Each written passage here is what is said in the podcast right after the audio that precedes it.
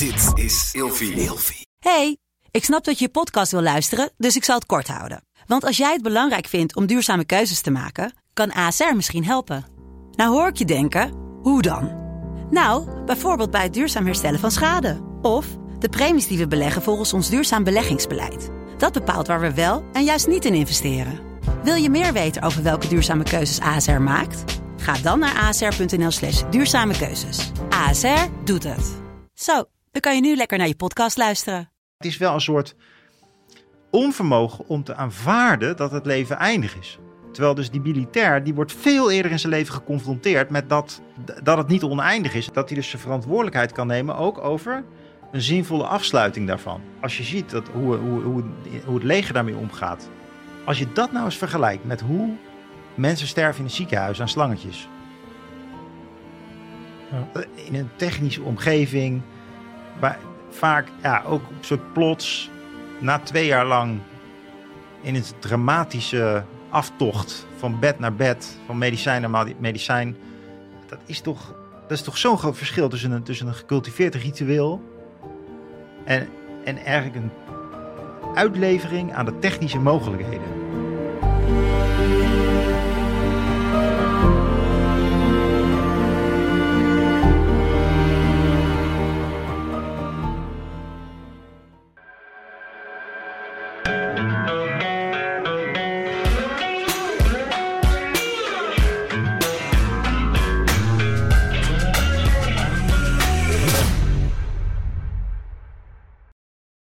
Welkom bij een nieuwe aflevering van Scherpschutters. Vandaag gaan we het hebben over sterven voor het vaderland. En de reden dat ik Jelle heb uitgenodigd is omdat wij eh, vorig jaar elkaar ontmoet hebben. Ik ben ook een keer te, eh, te gast geweest bij Jelle. Jelle is een van de hosts van De Nieuwe Wereld. Eh, jij bent filosoof, ethicus. Voor mij een enorm leuke gesprekspartner. We hebben off-camera allerlei leuke gesprekken gehad. Dus ik dacht, wij gaan gewoon vandaag een uurtje in conclave over filosofie en vanuit ethiek bekeken hoe het is om te sterven voor een vaderland. Leuk dat je er bent, Jelle. Gaaf, dank voor de uitnodiging. Jij eh, gaf ook al in het gesprek al een beetje aan dat je, dat je ook scherpschutters een enorm interessant in, eh, ja, eh, platform vindt. Eh, wat, wat, wat sprak je er aan toen je dit voor het eerst zag? Nou, ik spreek niet zoveel mensen die in het leger zitten. En ik vind het een fascinerende wereld, maar ik ken het alleen maar van boeken. En dan krijg je toch een abstract beeld, hoe concreet het dan ook soms is. Als je een biografie leest bijvoorbeeld van eh, Patrick Camar, Ja. dan blijft het toch abstract. Dus bij jou leer je die mensen echt kennen. En een van de eh, dingen die me meteen opvielen is dat hoe, hoe, hoe persoonlijk en hoe gevoelig, hoe vanuit het hart mensen eigenlijk spreken over hun werk. En dat vond ik zo fascinerend, omdat je natuurlijk in een hele harde wereld zit, een lijfwereld, met, met, waar je moedig moet zijn en waar sprake is van geweld en bloedbaden en verschrikking. Dat, dat, er, dat al jouw gasten eigenlijk met zoveel ehm, empathie en, en levenswijsheid spreken over, over een toch bikkelharde werk. En daarop terugkijken ook, ja, wat ik zei, dus vanuit het hart. En dat, dat, dat zie je toch niet zoveel podcast. En het is dat contrast tussen die harde werkelijkheid en toch die gevoeligheid, dat, waarvan ik meteen dacht, hé, hey, hier gebeurt iets. Ja, mooi. Ja, het is leuk om dat eh, om zo te horen, omdat ik natuurlijk nooit bewust ben van hetgene wat ik heel erg doe eigenlijk hier. Niet alleen maar ik doe, maar wat er dan gebeurt eigenlijk. Die magie die dan soms in, natuurlijk zo in die gesprekken gebeurt. Dus eh, dat is wel mooi om te horen hoe jij daar dan naar, kijkt. Vanuit, vanuit jouw wereld, wat natuurlijk eh, ja, ver weg staat van Defensie. Want heb jij, heb jij wel, is er wel iets wat jou voordat je naar scherptes keek, heb jij iets met Defensie of met, met, met oorlog? Of? Uh, nou, een, een, abstracte interesse, ja. Ik ben, kijk, als ethicus ben ik geïnteresseerd in hoe in verschillende werelden, instituties wordt geprobeerd om integer te zijn, om uh, het goede leven vorm te geven. Het bedrijfsleven of bij de overheid. En op die manier was ik ook wel geïnteresseerd in ja, hoe het leger functioneert. Um, dus zeg maar een organisatie en levensfilosofisch interesse. Maar ook wel, zeg maar, wereldhistorisch. Hè? Dus oorlogen hebben natuurlijk enorme impact in de wereld. Ja. Dus, dus uh, ja, ne Nederland is zelf ontstaan in een oorlog met Spanje. Nu, nu in de Oekraïne zie je dat. In Oekraïne zien we. Ja, Oekraïne was een failed state. Met, het was een corrupt, niet goed samenhangend land, eigenlijk. Geoordeeld naar de strenge criteria die wij onszelf zouden opleggen naar wat is nou een fatsoenlijk land. Ja. En door die oorlog zie je een enorme vereniging van mensen en, en power om eh, het land eh, te verdedigen en stevig te maken. Je hebt een uitspraak van Charles Tilly, dat is eh, eigenlijk een eh, man die nadenkt over eh, geschiedenis en internationale betrekkingen. Die zegt: eh, War makes states en states make war. In de, in de geschiedenis zie je dat oorlog dus is een oerfenomeen. In de zin van, ondanks dat wij dat niet willen, dat heel veel staten en heel veel samenwerkingsverbanden komen tot stand door conflict en ehm, conflictbeheersing. Dus het heeft een enorme invloed in dat we in de Europese Unie leven bijvoorbeeld. En Ja. Dus wil je instituten begrijpen, ja, dan moet je ook begrijpen wat oorlog is. En da- dat is voor mij ook wel een interesse hoor. Dus het, is, Ja. eh, het, het heeft ook echt te maken met dat ik wel, eh, dat als je geschiedenisboeken openslaat, dat je ziet dat heel veel grenzen eh, tussen mensen, tussen culturen, ja, die zijn toch, die hebben uiteindelijk te maken met een oorlog. Ja. En het, is- en het, het heftige daarvan is dat ehm, we leven natuurlijk in een tijd waarin we eigenlijk geen oorlog meer wilden voeren. Dus mijn vader bijvoorbeeld was een dienstweigeraar en mijn schoonvader ook. En ik ben ook opgegroeid met het idee, ook op school, van ja, we willen eh, nooit meer de Tweede Wereldoorlog. En toen we dan bijvoorbeeld eh, in Srebrenica waren, toen ik als eh, jongen, zoals ik daarnaar keek en zoals denk heel veel mensen ernaar keken en nog steeds wel, toch, ja, we gaan op een geweldloze manier, op een politiemanier, gaan we daar mensen helpen.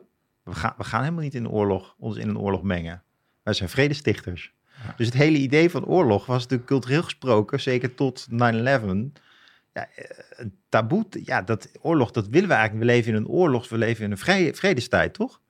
Dus ik heb wel interesse in oorlog, ook omdat het een beetje een taboe was. Dat ik dacht van, ja, maar dat klopt, dat klopt ergens niet, weet je wel. We, we, willen dat het er niet meer is. Het is een soort bal die onder water drukt. Het, is onderdeel van, zou je kunnen zeggen dat het onderdeel is van de mens en dat, het een, dat die culturele inslag van jouw vader, schoonvader, is natuurlijk een soort tegenreactie geweest aan een hele heftige periode van, van twee wereldoorlogen achter elkaar. Ja, het is die, dus die, die boomers, hè, daar hebben we het eigenlijk over, die eh, in de jaren zestig dus ook zeggen van eh, make love, not war. Die hebben onze cultuur enorm veranderd. Die zijn wantrouwig geworden naar instituten, naar wat er onderwezen werd op hogescholen, op universiteiten. De kerk werd eh, belachelijk verklaard. De, cultuur werd gezien als eh, ja, onderdrukkend, als, als, waar, je jezelf niet kan ontwikkelen. Dus zij hebben eigenlijk, die, die babyboomers hebben heel veel overboord gegooid eh, onder het mom van bevrijding. En ook het leger is daar wel- slachtoffer van geworden. Dus het leger ja, gold als ouderwets, als, als een, hiërarchisch patriarchaal instituut, masculien, gewelddadig, ideologisch gedreven. En eh, daar wilde men niet meer aan meedoen. Nou ja, we hebben gezien dat het de afgelopen 30 jaar ook een bezuiniging heeft veroorzaakt, die, ook die culturele idee. Ja. En dat, ja, tegen die achtergrond, ik kom uit 82, eh, dat is een deel van de achtergrond waar, waar tegen ik ben opgegroeid. En dan krijg je 9-11 en eh, voor mij dan eh, bijvoorbeeld de moord op Fortuin en wat er toen gebeurde aan het begin van 2000, eh, reuring rond terrorisme eigenlijk. Dat ik denk dat heel veel mensen weer dachten van, hé, hey, wat, ja, zijn we eigenlijk wel veilig in Nederland? En wat, wat, wat doet de krijgsmacht eigenlijk? En kan die ons nog beschermen? Toen is het wel wat gekanteld. Ja. En toen werd ik me ook pas politiek bewust. Dus dat is pas, eh, zeg maar, rond mijn 19e, 20ste of zo. En, ehm, uiteindelijk was ook eh, 9-11 voor mij een soort wake-up call. En toen, en toen, daarvoor was ik ook niet geïnteresseerd in, eh, in oorlogen of eh, ook niet in wereldgeschiedenis. Dat was meer iets van de middelbare school, wat je verplicht bestudeerde. Maar toen ontstond wel een soort besef van, ja, ja interessant om dat te bestuderen. Wat, hoe, dat, hoe dat leger opereert, waar, waar- waarom we dat hebben. Ja, dat, kijk, die sentimenten en die, die eh, ontwikkelende sentimenten zijn natuurlijk wel interessant. Iets waar we het vandaag over gaan hebben is dus, dus waarom zou je dan überhaupt dienen? Dat hangt natuurlijk ook samen met, als jij eh, ervoor kiest om, om tegen oorlog te zijn en vredelievend te zijn, ga je natuurlijk nooit bij een defensie dienen. Tegelijkertijd zien we natuurlijk dus eh, ontwikkelingen zelfs bij iemand zoals jij, die is eigenlijk opgegroeid in een eh, huisomgeving waarin dat eigenlijk een soort van taboe is. Want die, eh, dat zou je toch een stukje meegekregen hebben. Ben je langzaam anders naar de dingen gaan kijken. En dat maakt, dat gaat natuurlijk allerlei, dat, dat roept in ieder geval bij mij alweer allerlei vragen op. Ik zie ook bijvoorbeeld nu we teruggetrokken zijn uit, uit Afghanistan. Op de manier waarop dat gegaan is, hè, nu we het zeg maar, met hindsight terugkijken naar die periode, zie ik ook samen met een soort wantrouwen, wat de afgelopen twee jaar is natuurlijk eh, enorm hard is gegroeid naar allerlei instituties en, en, en eh, overheden, zie ik eh, ook wel een, een, verscherpende tendens. En dat, dat zie ik vooral natuurlijk op mijn, kanalen en in een soort comments wat er, wat er geleverd wordt, is dat er ook wel weer een soort van beweging is van jullie zijn moordenaars en jullie zijn allemaal slecht. Dus die, die beweging van mensen die tegen, tegen alles wat er omheen oorlog hangt, is nog steeds wel heel erg aanwezig, merk ik. Uh, en, eh, dus ik heb de laatste tijd ook wel eens dat ik een beetje het gevoel krijg van, oh, dit doet me een beetje denken aan films die ik zag vanuit uh, militairen die terugkomen vanuit Vietnam bijvoorbeeld en dan uitgemaakt worden voor kindermoordenaars. ja, ik, dat soort opmerkingen krijg ik ook wel op de video's die ik post en, en wel in toenemende mate. Oh ja, interessant dat dat toeneemt. Ja. Ik zou wel zelf, als je terugkijkt naar de grote oorlogen, uh, Irak, uh, de Golfoorlog en Vietnamoorlog, dat zijn wel alle drie voorbeelden van oorlogen waar een nare bijsmaak aan is komen te zitten, omdat ze te, te maken hebben met ja, ook een soort oorlogsopportunisme van de Amerikanen. En dat, terwijl men eigenlijk deed alsof ze de wereld gingen redden, uh, dus eigenlijk ook uh, ja, het militair-industrieel complex aan, aan het werk hebben gezet. Ze wilden nu eenmaal ook oorlog voeren. Ze, wil, ze wilden strijden, ze wilden winnen. Uh, en niet altijd om de goede redenen. In ieder geval niet om de redenen die ze zelf opgaven. Hè? Dus bijvoorbeeld, bijvoorbeeld olie of, of, ja. of, of, het helpen van een land in verdringing. En dat heeft wel natuurlijk een sentiment gemaakt in de wereld. Van ja, kunnen we de mensen die de, de leiding hebben in, in, in het leger en bij de, ook ook bij de internationale samenwerkingsverbanden, kunnen we die eigenlijk nog wel vertrouwen? Of, ja. Ja, dus hangt samen met, met het vertrouwen. Wat, ik, wat je natuurlijk ziet, ook in de coronatijd is dat natuurlijk heel erg op de proef gesteld. Hè. Ik denk dat, uh, ik weet niet wat precies de cijfers zijn, maar volgens mij is het vertrouwen in de politiek en de, de overheid ook heel laag op het moment. Um, dus dat hangt ook samen natuurlijk met alles wat er nu naar buiten komt over al die oorlogen en hoe dat allemaal aangelopen is. En inderdaad al die verborgen agenda's um, krijg je natuurlijk dat mensen dus dat, dat wantrouwen ook dus toeneemt. En dat hangt er samen met de beweging dat dat ook gericht wordt naar de mensen die daadwerkelijk het werk uitvoeren. Dat, nou, dat, is natuurlijk het, dat is het pijnlijke. Dat, je, je krijgt het wel op je bord. En ik denk dat um, ja, je zal bijvoorbeeld nu maar een bankier zijn. Hè? Of nou, nu valt het wel mee, maar na 2008 met die financiële crisis werd er natuurlijk wel uh, naar die hoge gebouwen met die bankiers, die brokers en zo daarin, alle financials, met, met heel veel argwaan gekeken. Van ja, oké, dus uh, jouw zoon is consultant bij de ABN AMRO. Wat, ja, uh, mijn dochter is arts. Dat is toch een heel groot statusverschil geworden. Terwijl, ja, ik denk tot de, tot de financiële crisis was iemand die succes had in de financiële uh, sector. Dat was gewoon iemand waar je moeder op verjaardag over opschepte. Nou, dat gebeurt niet meer, denk ik. Dus dit, die statusval is enorm geweest. Terwijl er zijn natuurlijk nog heel veel bankiers die goed werk doen. En dat, en dat hangt dan weer samen met het, met, met het soort van uitvergroten van het kapitalistische systeem, of het onder druk staan van het kapitalistische systeem, en, en de manier waarop er gekeken wordt naar succesvol zijn ten koste van anderen en ten koste van alles eigenlijk. Precies, en, mensen voelen zich verraden en dat is natuurlijk ook deels volledig terecht. En, en het probleem is dat er zijn natuurlijk ook systemen die corrupt zijn, waar mensen toch met de beste bedoelingen werken. Ja. Maar goed, en, um, over het algemeen gesproken moet je de massa en het oordeel van de massa heb ik al een beetje betwijfelen. Dus we hebben al een paar, zeker in de geschiedenis van de filosofie, ook mooie voorbeelden daarvan. Bijvoorbeeld Socrates. Um, die is ook veroordeeld door het volk. En bijvoorbeeld Jezus, uh, Jezus van Nazareth, die is ook veroordeeld door de massa. Dus, dus er was iemand, uh, was een soort van. Uh, iedereen weet natuurlijk een religieus figuur, die kwam uit een dorp of van het platteland, die kwam de stad binnen en die overtuigde iedereen. En daar is later verslag van gedaan in de Bijbel. Uh, en ook wel in andere bronnen. En die, die, zijn allemaal mythologiseringen geweest over wie hij was en zo. Maar één van de dingen die wel klopt, is natuurlijk die, die man heeft zoveel losgemaakt onder de mensen, dat hij eigenlijk vrij snel uh, veroordeeld werd met, met de doodstraf. Hij is gekruisigd. En dat komt omdat zo'n massa, die kan heel enthousiast zijn over je, maar ze kunnen je ook echt verraden. En dat, dat, zie je wel ook uh, op, op sociale media nu ook weer terugkomen. Van als iemand zich tegen je keert en die heeft zijn TikTok-volgers en de Volkskrant of zo bij zich, ja, dan kun je. Neem Siewert van Linde, die, die, die heel duidelijk uh, eh, allemaal eh, Openlijk berecht is. Door, twijfelachtige eh, praktijken heeft gevoerd in het, in het regelen van die mondkapjes. Ik heb daar ook geen goed woord voor over, maar die wordt natuurlijk wel heel, die wordt echt een kopje kleiner gemaakt door de massa. Nou ja, dat is Ali B is natuurlijk ook een voorbeeld Is ook een van voorbeeld, iemand die niet, volgens mij niet veroordeeld is. Dus het rechtssysteem heeft hem niet veroordeeld. Maar eh, ja, die kan in Nederland kan die niet meer... eh, Trial by media. ja, dus je bent gewoon klaar. Ja, en, en daarom dus als, als eh, mensen die werken voor het leger of dat overwegen, dus nadenken over dat soort imago's, moet je wel, eh, denk ik, nadenken eh, bij jezelf van ja, wie zijn degenen die voor mij in het leven wat voorstellen en die mij kunnen adviseren of die in ieder geval de standaarden van voortreffelijkheid belichamen. Die, die hebben levens waarvan ik denk, ja, dat is mijn oom of dat is mijn buurman en daar, die waardeer ik gewoon enorm. Dat zou eigenlijk een eikpunt moeten zijn voor je eigen eh, oordeel over dat soort massakritiek. En niet die massakritiek zelf, want dan ga je gewoon mee met de hype. En dat kun je, dat kun je natuurlijk doen. Dan, ga je zo deinzen. Dan ben je nu met Oekraïne bezig, daarvoor met corona, tussendoor even met Johnny Depp en Amber Ja. Heard. Ja, dus je moet ergens gaan aarden. En, want daar wil ik het ook vandaag natuurlijk met jou over gaan hebben. Is, ik krijg vragen. Ik krijg ook letterlijk de vragen van jonge mensen die zeggen... Ja, weet je, ik heb altijd al bij Defensie gewild. Maar ik heb, ik heb oprecht twijfels gekregen. Omdat ik denk van, wil ik wel voor, voor deze overheid werken? Ik krijg die vragen regelmatig. Die vragen kreeg ik een jaar geleden nooit. Dus, dus ik wil dat toch Heftig. ik wil dat toch wel even een, een, ehm, ja, met jou ook gaan bespreken. Ik vind jouw, inter- jouw manier van duiding geven in een breder perspectief dan we hier vaker aan tafel hebben, vind ik super interessant.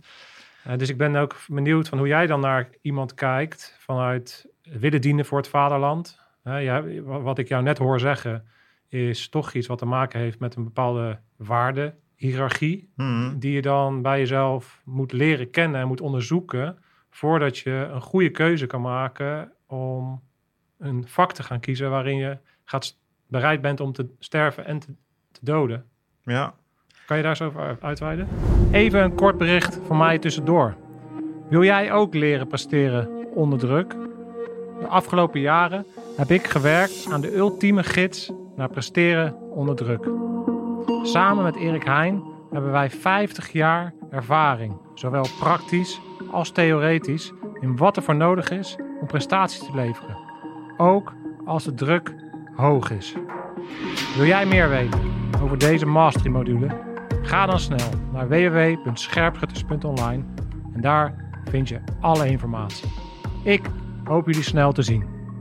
Nu weer snel terug naar de podcast. ja, er zijn een hoop thema's die we kunnen, kunnen afpellen. Laten we eens beginnen met het hele idee van eh, beroepskeuze en studiekeuze. Daar hebben veel mensen moeite mee. En alle twijfelaars in Nederland kiezen eigenlijk voor een variant van administratie of bedrijfskunde. Dus je ziet dat nou, rond de 30% van alle studenten, MBO, HBO en universiteit, die doet iets met administratie of economie. En als je nader vraagt van waarom doe je dit eigenlijk, dan zeggen ze ja, ik wist gewoon niet zo goed wat ik wilde. Dus ik deed maar iets wat ik, waarvan, waarvan ik denk dat het in de hele wereld is. Wat ik, waarvan ik denk dat het een goede manier is. Ik denk dat er, als je niet weet wat je, wat je wilt, dan kan je beter iets gaan doen.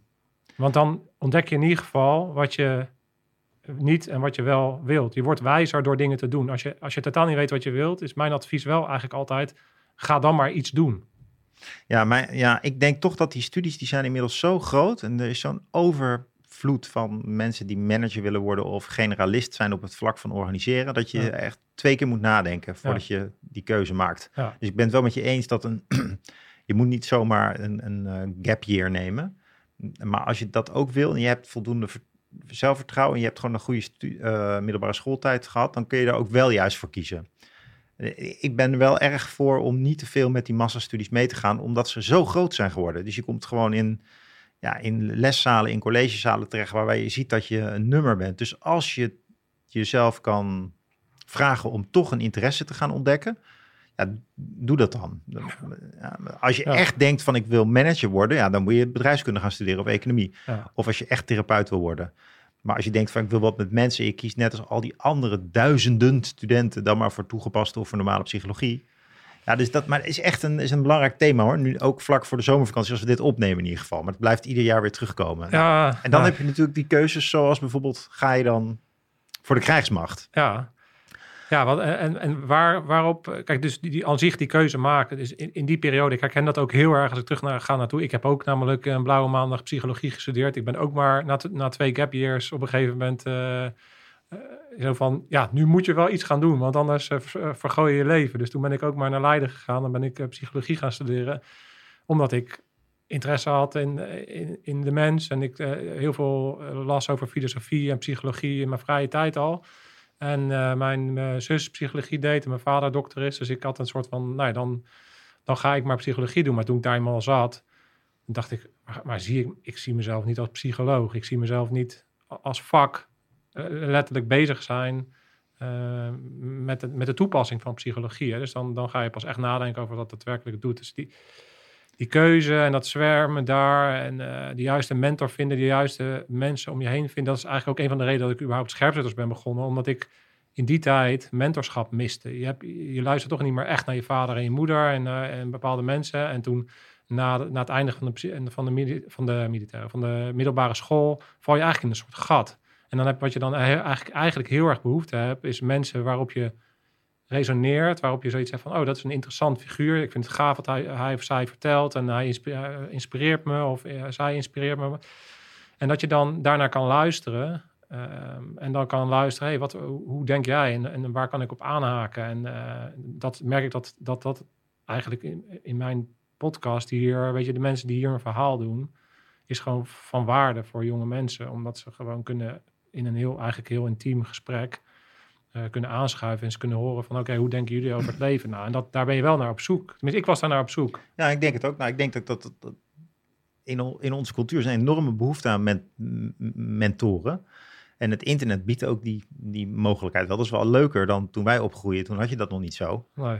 Dus het is wel iets wat mensen die nu twintig zijn echt uh, op ons voor hebben. Dus het is leuk dat we diezelfde rol ook een beetje kunnen vervullen. Ik heb het bijvoorbeeld met Jordan Peterson. Die, ik vind hem enorm interessant. Hoe, hoe bijzonder is het eigenlijk dat ik gewoon in, bij Harvard in een collegezaal kan aanschuiven ja. en, en, zo een man kan volgen. Uh, ja. op een, dat, is, dat is toch bizar? Ja. Dat, dat was twintig jaar geleden ondenkbaar. Ja, dat is, is een van de meest inspirerende YouTube-sterren die er is, denk ik. Ook voor mij. Ja. De manier waarop hij zo zijn volzinnen uitspreekt en zijn voorbeelden op de actualiteit inhaakt. Hij is bekend geworden omdat hij heel kritisch was op die discussie over um, gender. Ja. En daar een wat uh, traditionele opvatting over heeft. Maar eigenlijk al die andere films van hem, bijvoorbeeld waarin hij uitlegt hoe de Bijbel uh, in elkaar zit. Ja, dat is fantastisch.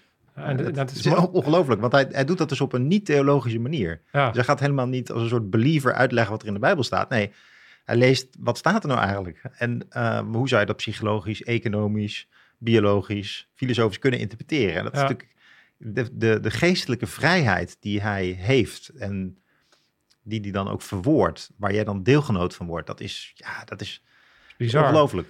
Ja, ik heb exact hetzelfde. Ik ga daar ook helemaal op aan. En eh is een mooi bruggetje naar waar, we na- waar ik ook naartoe wil. Is van, kijk, hij heeft het vaak over de, eh, de, de hierarchy of eh, value. Hè? Dus, dus de waardehiërarchie. Mhm.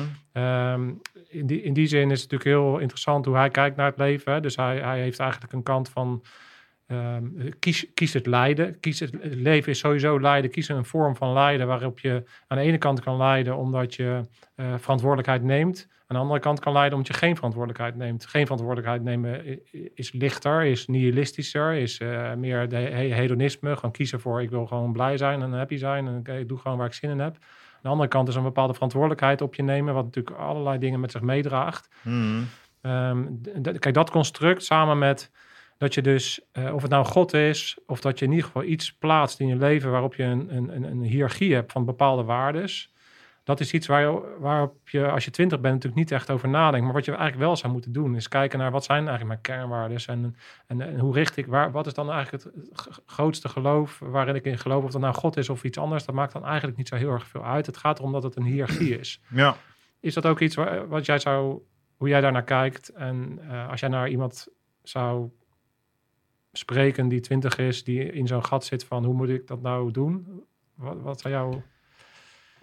Eh, nou, dus- nou, nee, neem maar een slokje water hoor. ja, ja, ik zie je denken eh, er zijn verschillende dingen, die hadden we net ook al op tafel. De studiekeuze en die waardehierarchie laten we gewoon proberen ze allebei nog wat verder ehm, te verdiepen. mhm. ik denk, uh, studiekeuze heeft voor een belangrijk deel te maken met, ja, wat vind je belangrijk, wat wil je worden? En dat zegt ook iets over de kwaliteit van leven die je, die je nastreeft. Het ideaal dat je nastreeft. Waarde is ook een soort ander woord voor ideaal. Uh, waarde is een kwaliteit van leven waar ik naar wil streven. Dus bijvoorbeeld vrijheid. Uh, en die vrijheid die is wel ingewikkeld, want ja, ik ben natuurlijk met handen en voeten gebonden in mijn leven. Ik heb twee kinderen, ik heb werk, ik heb vrienden en het zijn allemaal uh, bindingen die mij vrijmaken, maar het zijn ook bindingen waar ik behoorlijk wat verplichtingen naartoe heb. Dus het is nog wel lastig om, om die vrijheid echt gestalte te geven. En, maar ja, het kan op heel veel verschillende manieren. Dus welke studie ga je dan doen? Je kan natuurlijk vrij, een vrij werkend therapeut worden, een, je, vrij in het leger. Um, dat kan op verschillende manieren. Dus hoe ga je nou bedenken van welke waarden voor jou belangrijk zijn en hoe die zich verhouden tot de studiekeuze? Ja, ik, dit, is allemaal heel abstract. Dus ik zou zelf meer concreet denken, wat trouwens Jordan Peterson ook doet. Want die zegt dus, wil je vrij zijn, begin dan met één kamer in je leven te verfraaien. Of ga rechtop zitten. Ja. En uh, zorg dat je gewoon leert om de hele dag rechtop te zitten. En dat zijn dus eigenlijk rituelen die hij aanraakt. Dus de, um, een ritueel is eigenlijk een, een manier om iets wat heel groot is, klein te maken. Uh, en om het te ontpsychologiseren en uh, uh, te routiniseren, om tot routine te maken. Dus door een ritueel kun je tot iets anders opheffen. Hè? Dus bijvoorbeeld je gaat elke week trainen en dan denk je gewoon niet over na. Elke woensdagavond ga je trainen of elke avond ga je misschien wel trainen. En dat maakt het mogelijk dat je, je, je gaat veranderen daardoor. En dan kom je in een bepaalde in een bepaalde houding en met een bepaalde training. En dan, dan gaan zich mogelijkheden aandienen. Hè? Van, nou, ik ben zo sterk, ik zou wel ook kunnen overwegen om bijvoorbeeld gymleraar te worden of um, het leger in te gaan. En die mogelijkheid die wordt natuurlijk pas reëel door je daarop voor te bereiden en te weten wat het betekent om zo fit te zijn.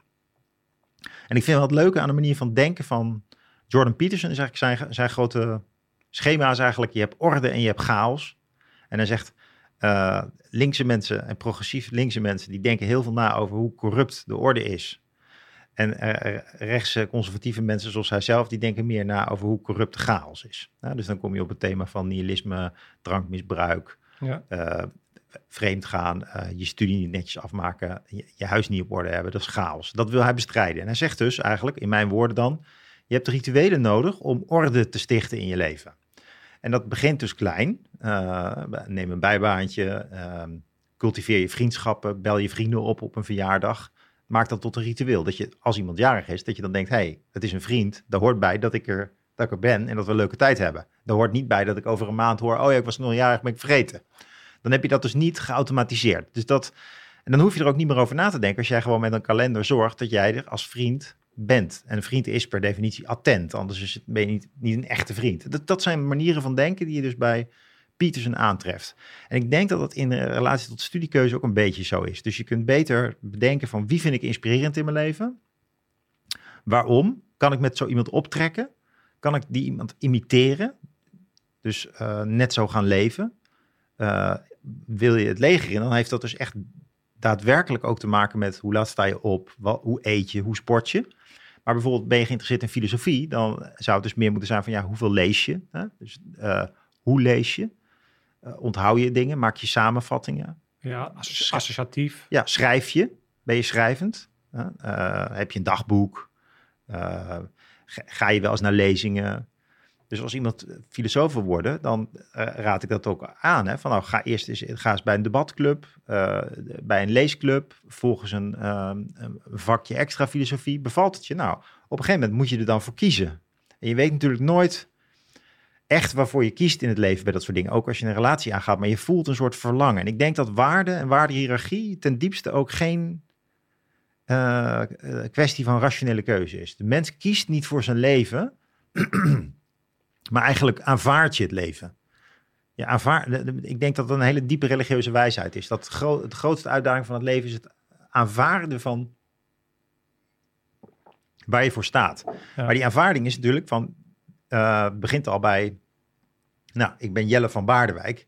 Van Baardewijk staat ergens voor. Hè? Dus, dus je bent al onderdeel van een familie, van een bepaalde opvoeding. ik ben opgegroeid in zo'n bloemkoolwijk in Leusden. Ehm, Ja, Ja, dus- Jij bent ontsnapt aan de vraag, wie ben je eigenlijk? Ja. Bedenk ik me nu ja, ineens. dat is waar, ja. ja. Wie ben je Ja, eigenlijk? ja, ja. Dus, de- dus Ja, de- weten ja, het is leuk hoe jouw gasten dat altijd eh, je dat vertellen. En, de- dus, de, dus als je vraagt wie ben ik en wat zijn mijn waarden, dan begint het denk ik daarmee al. Van je gaat naar je familie, naar, je, naar waar je opgevoed bent. eh, in welke geschiedenis je staat. Of je daar bijvoorbeeld dus ook de wereldgeschiedenis toe rekent. Of dat je dat reflectieniveau niet hebt en die interesse niet. Dat je bijvoorbeeld eerder zegt van... eh, dat je het belangrijk vindt om fit te zijn of om te winnen. Dat je veel heel sportief bent Of of, te werken. Of te werken. Dus, eh, Ja, en ehm, zo kom je dus bij, bij, bij je vrienden, maar uiteindelijk natuurlijk ook bij de, ja, toch bij de grotere dingen, hè, bij de aarde, wat de aarde samenhoudt. Of je in een God gelooft of in de Big Bang, ehm, of je denkt dat er een zin is in het leven of niet. Nou, en ehm, als het goed is, heb je in een normaal leven al heel veel dingen ge- geordend, geritualiseerd. Denk aan Peterson. Dus je hebt al dingen waarvan je denkt dat daar vrienden ook van zeggen: ja, die Mark, als die iets oppakt, weet je, dan, dan, dan schittert het ook. Die, die, die kan zich helemaal vastbijten in zo'n project. Die maakt dat tot een goed einde. En van, Nou, ik, kan me, ik moet nu ineens denken aan een, aan een opmerking. Ik zal het nooit meer vergeten. Je zei, ja, Polle, als jij ergens in gelooft, dan is het ongeloof. Dan kan je door muren breken. Maar als jij, als jij er niet in gelooft, dan ben je echt een zak stront. ja, ja, dus, dus, dus ik heb het nodig om iets te begrijpen en ergens in te geloven om ergens voor te gaan. Op het moment dat ik dus iets moet doen, omdat het alleen maar moet, dan eh, ben ik een totaal ander persoon. Ja, nou ja. En ik denk dat heel veel mensen dit ook hebben. Een soort alles of niets mentaliteit. Zeker de ondernemende types. En als ik die dus in de collegezaal heb, want ik, ik geef ook eh, onderwijs, vooral trouwens in eh, toegepaste filosofie voor bestuur en bedrijf. Dus eigenlijk ethiek van bedrijfsleven en de overheid. Dus denk aan de toeslagenaffaire of aan eh, kwesties die spelen in het bedrijfsleven. Daar geef ik onderwijs over. En dan merk ik ook dat heel veel van mijn studenten die mijn vak eigenlijk volgen omdat het verplicht is, sommigen worden wakker, want die denken van, dit is best wel gaaf. Ehm, eigenlijk is het heel interessant om te vragen van, ben ik wel integer? Doe ik wel wat ik beloof? En klopt het wel met mijn geweten? Of zit ik dit gewoon te doen uit plichtpleging en probeer ik de processen te volgen? Maar ben ik eigenlijk met mijn hoofd op de sportschool? Ja, dus, je, je hebt, ik, dus ik heb heel veel van die studenten die dus niet aangaan. En die zitten dus wel in de collegezaal. Daar zou ik dus ook bijna tegen zeggen van, ja, wat doe je hier? Ja. Als je niet aangaat, voor mij hoef je niet te zijn. En er zijn, er zijn genoeg mensen die bestuurskunde of bedrijfskunde studeren. We- Weet je waar ik aan moet denken? Aan wat jij net zei is eigenlijk heel interessant. Kijk, je kiest er niet voor. Tenminste, sommige mensen denken van wel, maar laten we even ervan uitgaan dat je er niet voor kiest wie je ouders zijn. Ehm, dat betekent dat je dus in die structuur opgroeit. En eigenlijk, als ik er zo naar kijk, is vanaf een bepaald moment ben je eigenlijk alleen maar bezig om te bepalen, oké, welke van die constructen die mij eh, ge- gegeven zijn, zijn mij waardevol en wil ik houden en welke wil ik wegdoen, zodat ik daar andere dingen die meer bij mij passen kunnen voor in de plaats kunnen brengen. Want je krijgt natuurlijk heel veel dingen die instild worden door je ouders, eh, die, die je grootste rolmodellen zijn in het begin. Vanaf een beetje die fase dat je puber, na, aan het eind van je puberteit kom natuurlijk in de, dan kan je op een gegeven moment dus zelf gaan kiezen welke rolmodellen je wilt hebben, om die dan inderdaad eerst een soort van na te gaan doen of te gaan volgen en te gaan kijken, oh, dat, dat, dat stukje wil ik daarvan pakken, dat stukje wil ik daarvan pakken, om jezelf steeds verder te gaan modelleren naar iets wat zo dicht mogelijk bij jezelf ligt. Dat is natuurlijk hetgene wat, waar we het vaak over hebben, over een soort van, weet je, dat is nu zo'n toverwoord, authenticiteit. Ja, wat is dat dan? Ja, Nou, dat, dat zit denk ik in lijn met deze dingen op de juiste manier uitvoeren vanaf die leeftijd. En Ja. eh, sommige, ik vind het ook bizar om te zien hoe, hoe sommige mensen op een twintigste al op een punt zijn. Dat ik denk, jezus, over dat soort dingen, dat je daar nu over nadenkt, is echt knap. En sommige mensen natuurlijk totaal niet. Eh, ja, dat, is, dat is super nou ja, goed, interessant. het is natuurlijk ook zo dat sommige mensen nog heel weinig doen, maar wel veel over dingen nadenken. En daar een zekere complexiteit in kunnen vinden. Maar bedoel, jij hebt natuurlijk al eh, eh, in, in, in zoveel landen geopereerd, zulke ge- gevaarlijke situaties gezet. Dus dat is allemaal lijfkennis en ervaring. Die, die hebben zij weer niet. Dus dit, ik denk wel dat je heel veel grote vragen en heel veel bewustzijn kan hebben op je twintigste, maar, maar een onervaren theoreticus kunt zijn. En dat, is, dat zijn toch twee verschillende dingen. Oké. Ehm, maar nog even over die waarden en die waarden vinden. Mm, het valt mij ook op, ja, dat, dat eigenlijk moet je meer gaan bedenken ehm, in het leven van wie kan mij helpen? Wie vind ik inspirerend? En authenticiteit, zei je net, dat is ook een interessant concept, dat iedereen het erover heeft. Maar je zou authenticiteit ook juist kritisch kunnen bezien. Van kijk, het gaat erom dat je, je, je- moet mensen zoeken die je inspirerend vindt. En die imiteren en mee samenspelen totdat je een gesprekspartner wordt. Dat is natuurlijk, dat is natuurlijk geweldig. Hè? Dus bijvoorbeeld, stel je kijkt vaak naar eh, scherpschutters, je kent het dan, dan zou het een doel kunnen zijn dat je zegt van ja, ik zou zelf zo'n gesprek willen kunnen voeren. Ik zou zelf daar aan tafel willen kunnen zitten. Eh, ja, dat is dan echt wel next level. Weet je wel? Dus hoe ga je dat doen? Ga je dan zelf ook podcasten? Of wat, ga je jou een e-mail sturen? Of hoe, hoe kom je in die volgende fase van jouw ontwikkeling, van dat jij graag diepgaande gesprekken voert? Hoe, hoe kom je daar? En ik denk wel dat dan moet je dus op zoek naar mensen die jou, dat, die, die jou daarin gaan coachen. En, en die zijn er natuurlijk, die zijn er nauwelijks. Dus een, mentor die kan je helpen om kundig te worden in iets. Dat kan iets kleins zijn, hè? bijvoorbeeld uh, een bepaalde pas bij het voetbal, en het, voetbalspel sowieso beter beheersen of uh, je, je, wiskunde beter beheersen, wat, wat nodig kan zijn om eindexamens te halen of toelatingen. Dus het hoeft niet per se je passie te zijn. Het kan ook zo zijn dat je denkt van ja, ik wil die drempel nemen in het leven en dan moet ik dus mijn wiskunde voorbij spreken en dan moet ik dus iemand gaan zoeken die mij daarin helpt. Dat kan dus tijdelijk zijn, maar een mentor is doorgaans wel iemand die jou ook op een bepaalde manier bezielt. En ik denk dat wanneer we het hebben over authenticiteit of over wat tegenwoordig ook wel uh, hip is, passie, hè, dat, dat, dat, je, dat je dat moet zien eigenlijk als iets wat je ontdekt wanneer je zelf eigenlijk langzaam kundig begint te worden in iets. Het is eigenlijk andersom, hè? Dus je beheerst iets en dan um, wordt opeens duidelijk dat iemand zegt, joh Mark, de manier waarop jij hier uh, met mensen praat en de leiding neemt, dat is nou typisch. Dat is nou echt, dat doe jij echt leuk, zeg maar. Dat je dat zo hoort. Uh, of dat ze bij mij zeggen van ja, de manier waarop jij college geeft. Uh, dat, ik merk dat ik er langer naar kan luisteren, ik met een tamens beter haal. En dan ontdek je dus eigenlijk in het gesprek met anderen van hé, hey, blijkbaar kan ik iets. Blijkbaar is het ook iets wat ik heel gepassioneerd doe. En waarvan mensen zeggen, joh, dat, dat ben jij. Dat is, dat is echt kundig hoe jij dat doet. Dat is, dat, dat, dat is echt gaaf. Ja. En dan is dus niet zo van dat jij dat graag wil. Het is eigenlijk, je leert doordat je iets beheerst dat andere mensen tegen je gaan zeggen, ja, maar jij beheerst dat op een manier. Dat is, dat is leuk man, dat is typisch Jelle. En dat is dus um, eigenlijk een, een tweede orde effect. Je, be, je begint niet bij jezelf en authentiek zijn. Nee, kijk, Bildung, dus de, vorming, de Duitsers spreken van Bildung, is het iets moois uh, in, in, de zin van uh, verbeeldingskracht, Einbildung, maar ook Bildung in de zin van huis bouwen. Dus uh, met, met, daar hoort je hele lichaam bij. Het is niet alleen maar studeren, ook op een universiteit niet. Je moet er ook een bepaalde mindset voor hebben, zeg maar. En daar moet je met lijf en leden voor inzetten. Die beeld doen betekent eigenlijk dat jij jezelf opgeeft. Echt, echt serieus iets willen beheersen. Of het nou in het leger gaan is, of filosoof worden, of een andere wetenschappelijke studie doen. Echt op het niveau van een professioneel filosoof. Hè? Dus, ja.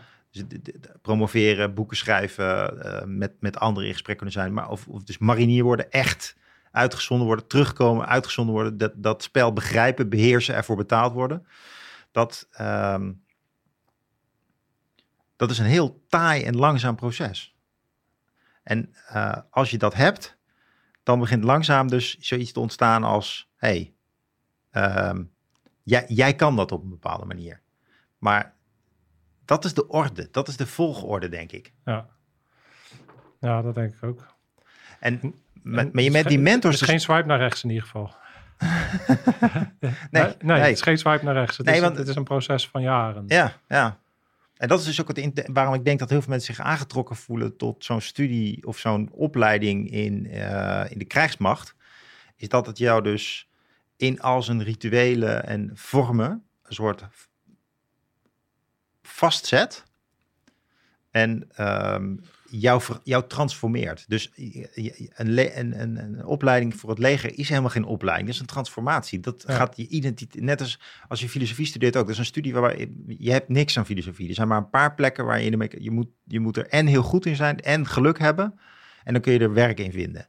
En um, dus je doet het eigenlijk omdat je het zelf interesseert omdat je, omdat je er wat mee wil. Dat is in het leger anders. Daar is wel veel employ. Maar tegelijkertijd, als je dus ook leest uh, hoe zo'n Jocko Willing uh, wil ik, uh, heet hij geloof ik, in Extreme Ownership. Dat, dat boek tipte je mij, dus dat heb ik, uh, heb ik, heb ik gelezen, heb je al eerder getipt. Maar dat heb, ik, heb ik grotendeels gelezen. En een van de dingen die mij ook opvallen is van hoe meritocratisch de, de mentoren en de, de, de, de gezagsstructuren zijn. Dus je, je kunt bepaalde dingen en daarom mag je door. Maar je wordt in het bedrijfsleven en in, in, de, in de universiteit en zo, in het bestuur, bestaat zoiets als promotie wel, maar demotie niet.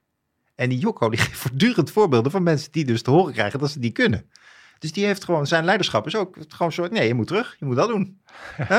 Dus, dus een goed mentor, die zegt ook heel goed, nee, je past, je past niet, je voldoet niet aan voorwaarden.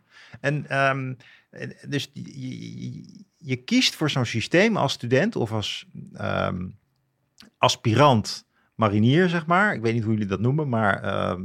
Het is, het, is, het is je vergeven. Ga door. ja, ja je, je, je kiest voor zo'n voor zo- voor zo'n plek. En dat is, je weet de halve voor je kiest. En je wordt gewoon door de molen gehaald. Ja. En je komt er heel anders uit. En dat is beelddoen. Er zijn maar heel weinig plekken in de moderne maatschappij waarin dit nog bestaat. En dat is wel echt uniek aan het leger. En daarom maakt het ook tot een heel interessant instituut. Dus dat je daar echt gepokt en gemazeld wordt aan de mentaliteit. Die jou dus opheft, maar je komt eruit en je voelt je toch authentieker. Als we, als we dit construct eh, koppelen aan wat jij eerder aangaf over als je links georiënteerd bent of rechts georiënteerd en hoe je dan naar chaos en orde kijkt, dan komt bij mij een beetje op van, dan denk ik dat eerder rechts georiënteerde mensen een hogere aantrekkingskracht hebben naar de krijgsmacht. Ja, dus ehm, hoe kan ik hier goed op reageren? Eh, het is eigenlijk niet best dat het zo is, maar ik, kijk, sowieso denk ik dat eh, je hebt zo'n uitspraak van Churchill: als je niet links bent als je jong bent, dan ben je onmenselijk. Maar als je nog steeds links bent als je ouder bent, volwassen bent, dan, dan, dan zit er ook een steekje los. Ehm, dus omdat we links progressief toch associëren met grotere idealen, hè, zoals bijvoorbeeld gelijkheid, en rechts conservatief meer met realisme. Maar eigenlijk, ik, ik beschouw mezelf eigenlijk meer als licht rechts conservatief. En ehm, eh, daar heb ik ook zo mijn argumenten voor. Dus eh, ik ben bijvoorbeeld eh, wat, wat terughoudend in de manier waarop we in, in, in Nederland met dingen omgaan. Dus ik, ik vind dat we wel heel erg graag willen innoveren. En onze eigen taal opgeven. Overstappen op het Engels. Dat we ons eigen belang ook als land binnen de Europese Unie niet altijd verdedigen. Mm, Erg nadenken over het lot van anderen. En te weinig eigenlijk bezig zijn met onszelf, met onze eigen mensen.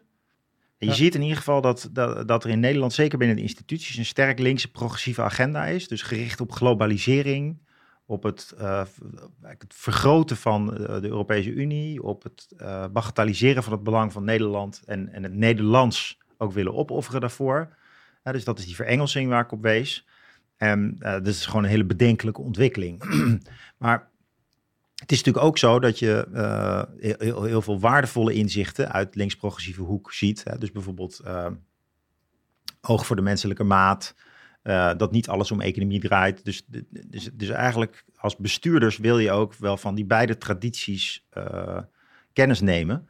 In ieder geval, je ziet dat dus, ehm, het leger cultiveert gezagsverhoudingen. Het leger biedt een rituele ruimte met eigen kleren en, en eh, de- symbolen en, en, eh, en ordes. Ja. En, ehm, en, da- en daarin, en dat allemaal, die rituele ruimte is ook bedoeld om ook nog kracht, geweld, ehm, verdediging, met andere woorden, om Mars-energie eh, in los te laten. Hè? Dus, dus, dus het is een echte mascul masculine wereld waarin, waarin God Mars, de oorlogsgod Mars van de Romeinen, regeert.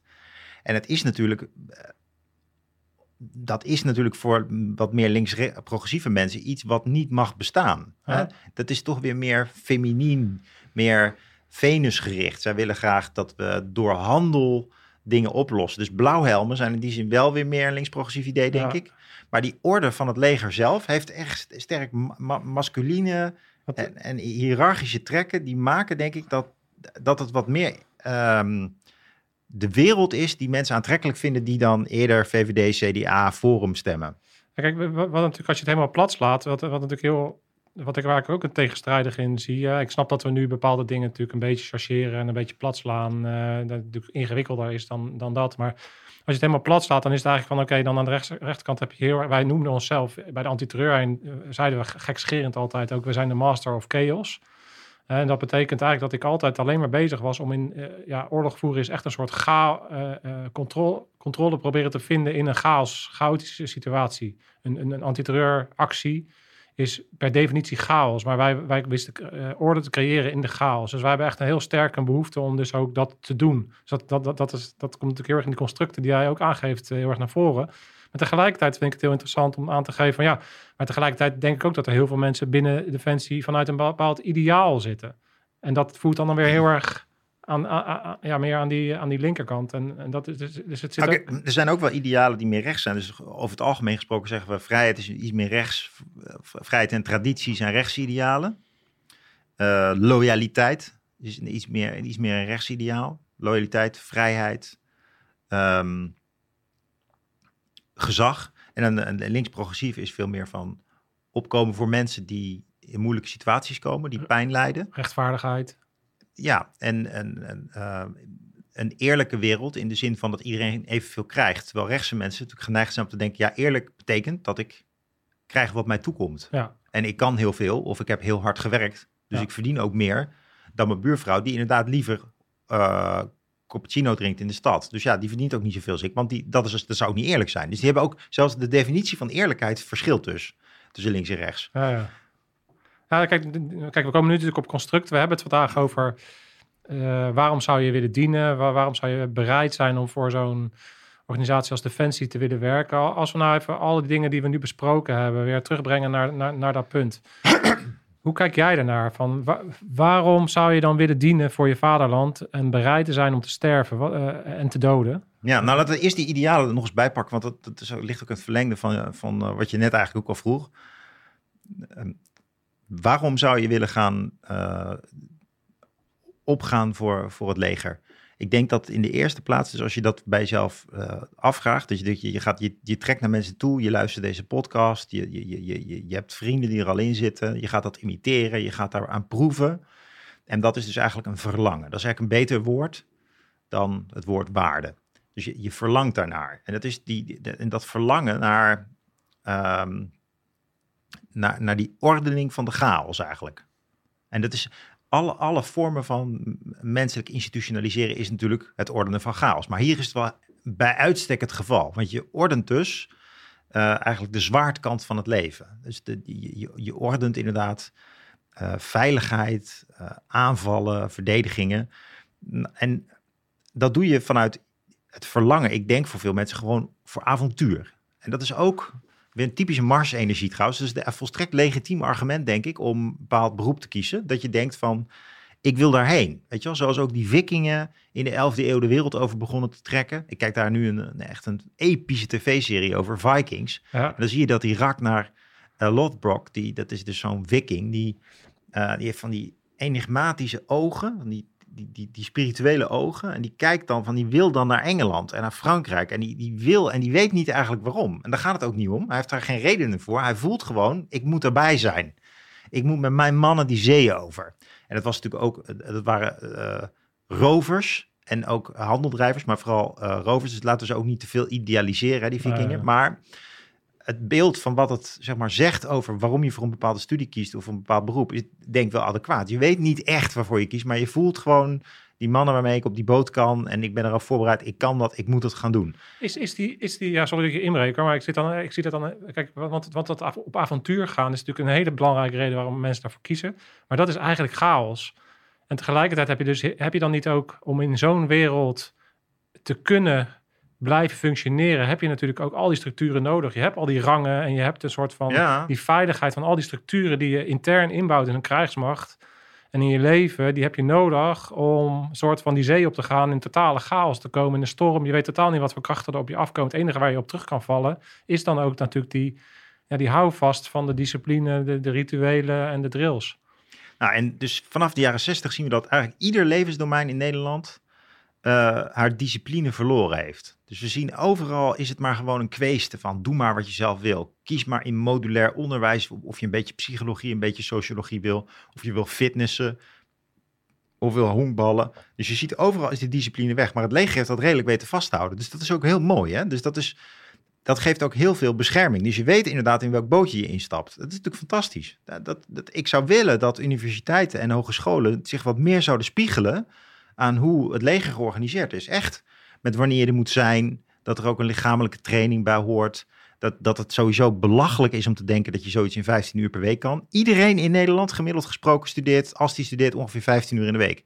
Dat is een schandalige helft van de tijd die ervoor staat. Eigenlijk is een vol, volle studie zelfs 38 uur, zoals een volle baan. Maar niemand, behalve bijvoorbeeld bij de eh, hogere hotelschool en dus bij onderwijsinstituut die eh, jou opleiden om het leger in te gaan. Dat zijn gewoon, daar ga je kopje onder. En dat kopje ondergaan, dat, dat, eh, dat maakt dat verlangen, vind ik juist wel heel concreet. En ook dus dat je denkt van ja, ik verlang ernaar, maar ik kan het verlangen ook loslaten. Want nu ga ik ga dit gewoon doen. En ja, ik geef mezelf maar gewoon over aan degene die hier de leiding hebben. En ik, het is ook niet voor niks zoveel uitvallen. Dat, dat heeft te maken met dat mensen toch niet echt uit kunnen zitten. Ja, nee, ik, herken dat ook enorm. Dat je dan, ik kan me dat toch zo goed herinneren dat ik, dat ik in die fase zat na de middelbare school. En zeker jongens als ik. Ik bedoel, ik heb uh, talenten, ik kan redelijk goed nadenken. Ik had ouders, ik, had al, ik, heb, ik heb alle mogelijkheden had ik. Maar die oneindigheid in, aan mogelijkheden maakte me ook een soort van gek. in de zin van, ik werd daar echt een beetje ongelukkig van. Omdat ik het idee had van, ja, soort, bijna een soort verlamming van het aantal keuzes. En toen, ik weet nog wel dat toen ik eenmaal bij het Corps Marinier startte, dat was een soort van oh, helderheid, duidelijk. Ik, ik hoef alleen maar dit te doen en dit goed te doen. En ik had de, de hele omgeving om me heen was ingericht op dat te doen. En daar floreerde ik, daar ging ik helemaal op aan. Ja, nou ja, het is, ja, maar het is ook de levensfase. En anders dan, zeg maar, 40 jaar geleden zijn er veel meer keuzes. Dus die keuzestress is herkenbaar. Eh, ja, ik adviseer jongeren, ook op uh, open dagen en zo, om echt stop in ieder geval kijken naar bullshit studies. Als je denkt van, dit is allemaal veel te modern, vaag. Maak een soort selectie en ga proefcollege lopen. Probeer mensen te ontmoeten die het al doen. En maak je keuzeruimte zo klein mogelijk. En dan op een gegeven moment moet eh, je, je verlangen volgen. Maar niet je verlangen in de zin van, ja, ik heb nou ook wel zin om een biertje te drinken. Maar wat je echt denkt van, hé, hey, wat sluit aan bij mij? hoe ik ben opgevoed, wat ik belangrijk vind, wat de mensen belangrijk vinden, die ik inspirerend vind. Dus, dus niet uh, wat kies ik nu, maar meer van wat past bij mij. Dat is de, en dan moet je toch ver zien. Ja, dan moet je toch ver kunnen komen in je, in, in, in je studiekeuze, denk ik. Ja. Maar het blijft, het blijft onwijs ingewikkeld voor mensen die het niet, niet helemaal helder hebben wie ze, wie ze zijn. En zeker als je tussen de 18 en 22 bent, dan is dat nog zo fluide ook. Dat, ik heb het ook wel eens te doen hoor met de twijfelaars. Maar ja, je kan ook gewoon iets studeren en na een jaar stoppen. Dat vertelde je zelf ook. Dus ik heb eerst ook uh, bedrijfskunde gedaan. Uh, enorme spijt van toen ik het deed al. Maar ja, eigenlijk had ik wel een interesse in ondernemerschap. Dus toen ben ik filosofie gaan doen. En toen kwam ik pas echt in mijn eigen studie terecht. En ja, ja bedrijfskunde toch nog maar weer afgemaakt. Maar ja, als ik eerlijk ben, ja, eh, ik vind het verschil tussen het hogere en het lagere, bijvoorbeeld uh, vrijheid en geld verdienen, vind ik nog steeds wel interessant. Maar ik ben, voel me toch meer filosoof dan bedrijfskundige. Ja ja, je moet dat soort. En als je genoeg talent hebt, dan kun je toch ook gewoon twee studies doen. En dan kun je toch ook gewoon op avontuur gaan in een tussenjaar. Eh, mensen eh, moeten gewoon ook denken van. Probeer dat zelfvertrouwen bij jezelf op te zoeken. Dat is, kijk, zelfvertrouwen is eigenlijk niks anders dan afspraken met jezelf nakomen. Dat is eigenlijk hetgeen waar ik het meest heb geleerd. In een periode waarop je het meeste zelfvertrouwen hebt, is in de periodes waarop je de dingen die je voorneemt ook daadwerkelijk doet. dus op het moment dat je. Het is zo, er is een verschil tussen opgeven en van richting veranderen. Maar ik vind uh, de regel, uh, die heb ik trouwens ook weer van Jordan Peterson, is als het alternatief maar in ieder geval evenveel of meer uitdaging heeft dan het pad waarop je op zit. Dat is een soort check bij jezelf, dat je niet opgeeft, maar dat je voor een beter alternatief kiest. Ja. als je die regel bij jezelf toepast en je, en je blijft dan eigenlijk de dingen doen die je voor, voor jezelf voorneemt, dan groeit je zelfvertrouwen enorm. Ja, ik denk dat dat wel klopt. Je hebt wel een soort variatie, een regel van Jocko, van uh, Extreme Ownership. Die zegt, ja, je moet niet uh, in ego-shit terechtkomen. Nee. Uh, daar komt het toch op neer. Dus, en dat, dat is volgens hem dat je dus toch een soort beeld hebt van jezelf, van hoe het zou moeten zijn, dat niet strookt met je verlangen. Dus je gaat dan iets doen omdat je denkt van, ja, zo hoort het. Of, uh, Mijn vader wil dat. Ja, en, en een soort oneigenlijke uh, manier van naar jezelf kijken. En het komt vaak van de buitenwereld, maar het hoeft, kan ook van binnen komen. En hij zegt wel van ja, als je bijvoorbeeld fouten maakt, maar, dan moet je, je moet verdraagzaam zijn in je eigen fout. Je mag, je, je mag ook een verkeerde keuze, je, je mag ook keuzestress hebben. Dan moet je je zelfvertrouwen niet door laten aantasten. Dat is alleen maar het ideale beeld van uh, ja, de zoon die wel weet wat hij kiest, omdat zijn vader dat ook wist. Dan, je moet die, uh, die ego-problematiek, dat is het lastige. En dat heeft Jordan Peterson heeft er toch minder gevoel voor, vind ik. Ja, ja ik, vind, ik, ik herken dat ook wel. Want in die periode kon ik mezelf ook heel erg... Uh, dat in die periode, voordat ik bij de mariniers ging, vond ik mezelf ook waardeloos... doordat ik niet wist wat, wist wat ik wilde. Ja. En ik denk dat heel veel mensen dat zullen herkennen als je jonger bent. Dat je dan... Dat je dan ja, jezelf daar toch een soort van voor gaat straffen. Wat ben ik nou voor low life en uh, hoe kan dat nou? Ik heb alle kansen en ik doe niks met mijn leven. En dat, dat gevoel nou, knaagt enorm. Ja, terwijl ik zou zeggen juist de energie van een echte eh, van een echte soldaat, zou ik bijna zeggen, is dus dat je eh, net als die, die, die uh, Ragnar uh, Rockbrok, Lokbrok, die, die, die viking, dus dat je het vertrouwen hebt in het zoeken. Dus je gaat gewoon die boot, je vertrouwt en je moet ook dus zelfvertrouwen is ook dat je dus op vertrouwt dat het wel goed komt, ook al overzie je het nog niet. Het heeft dus te maken ook met dat je, je moet nog kundig worden. Ja.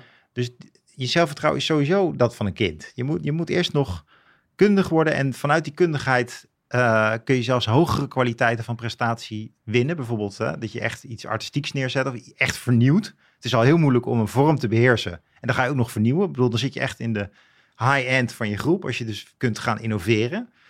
Ja, dat duurt zo lang voordat je daar bent. Alles blijft eigenlijk tot op zekere hoogte een zoektocht. Dus Ja. je, kunt, je kunt dat ook cultiveren. Hè? Dus zeggen van, ik heb zelfvertrouwen in dat ik de weg ingeslagen ben. Die klopt.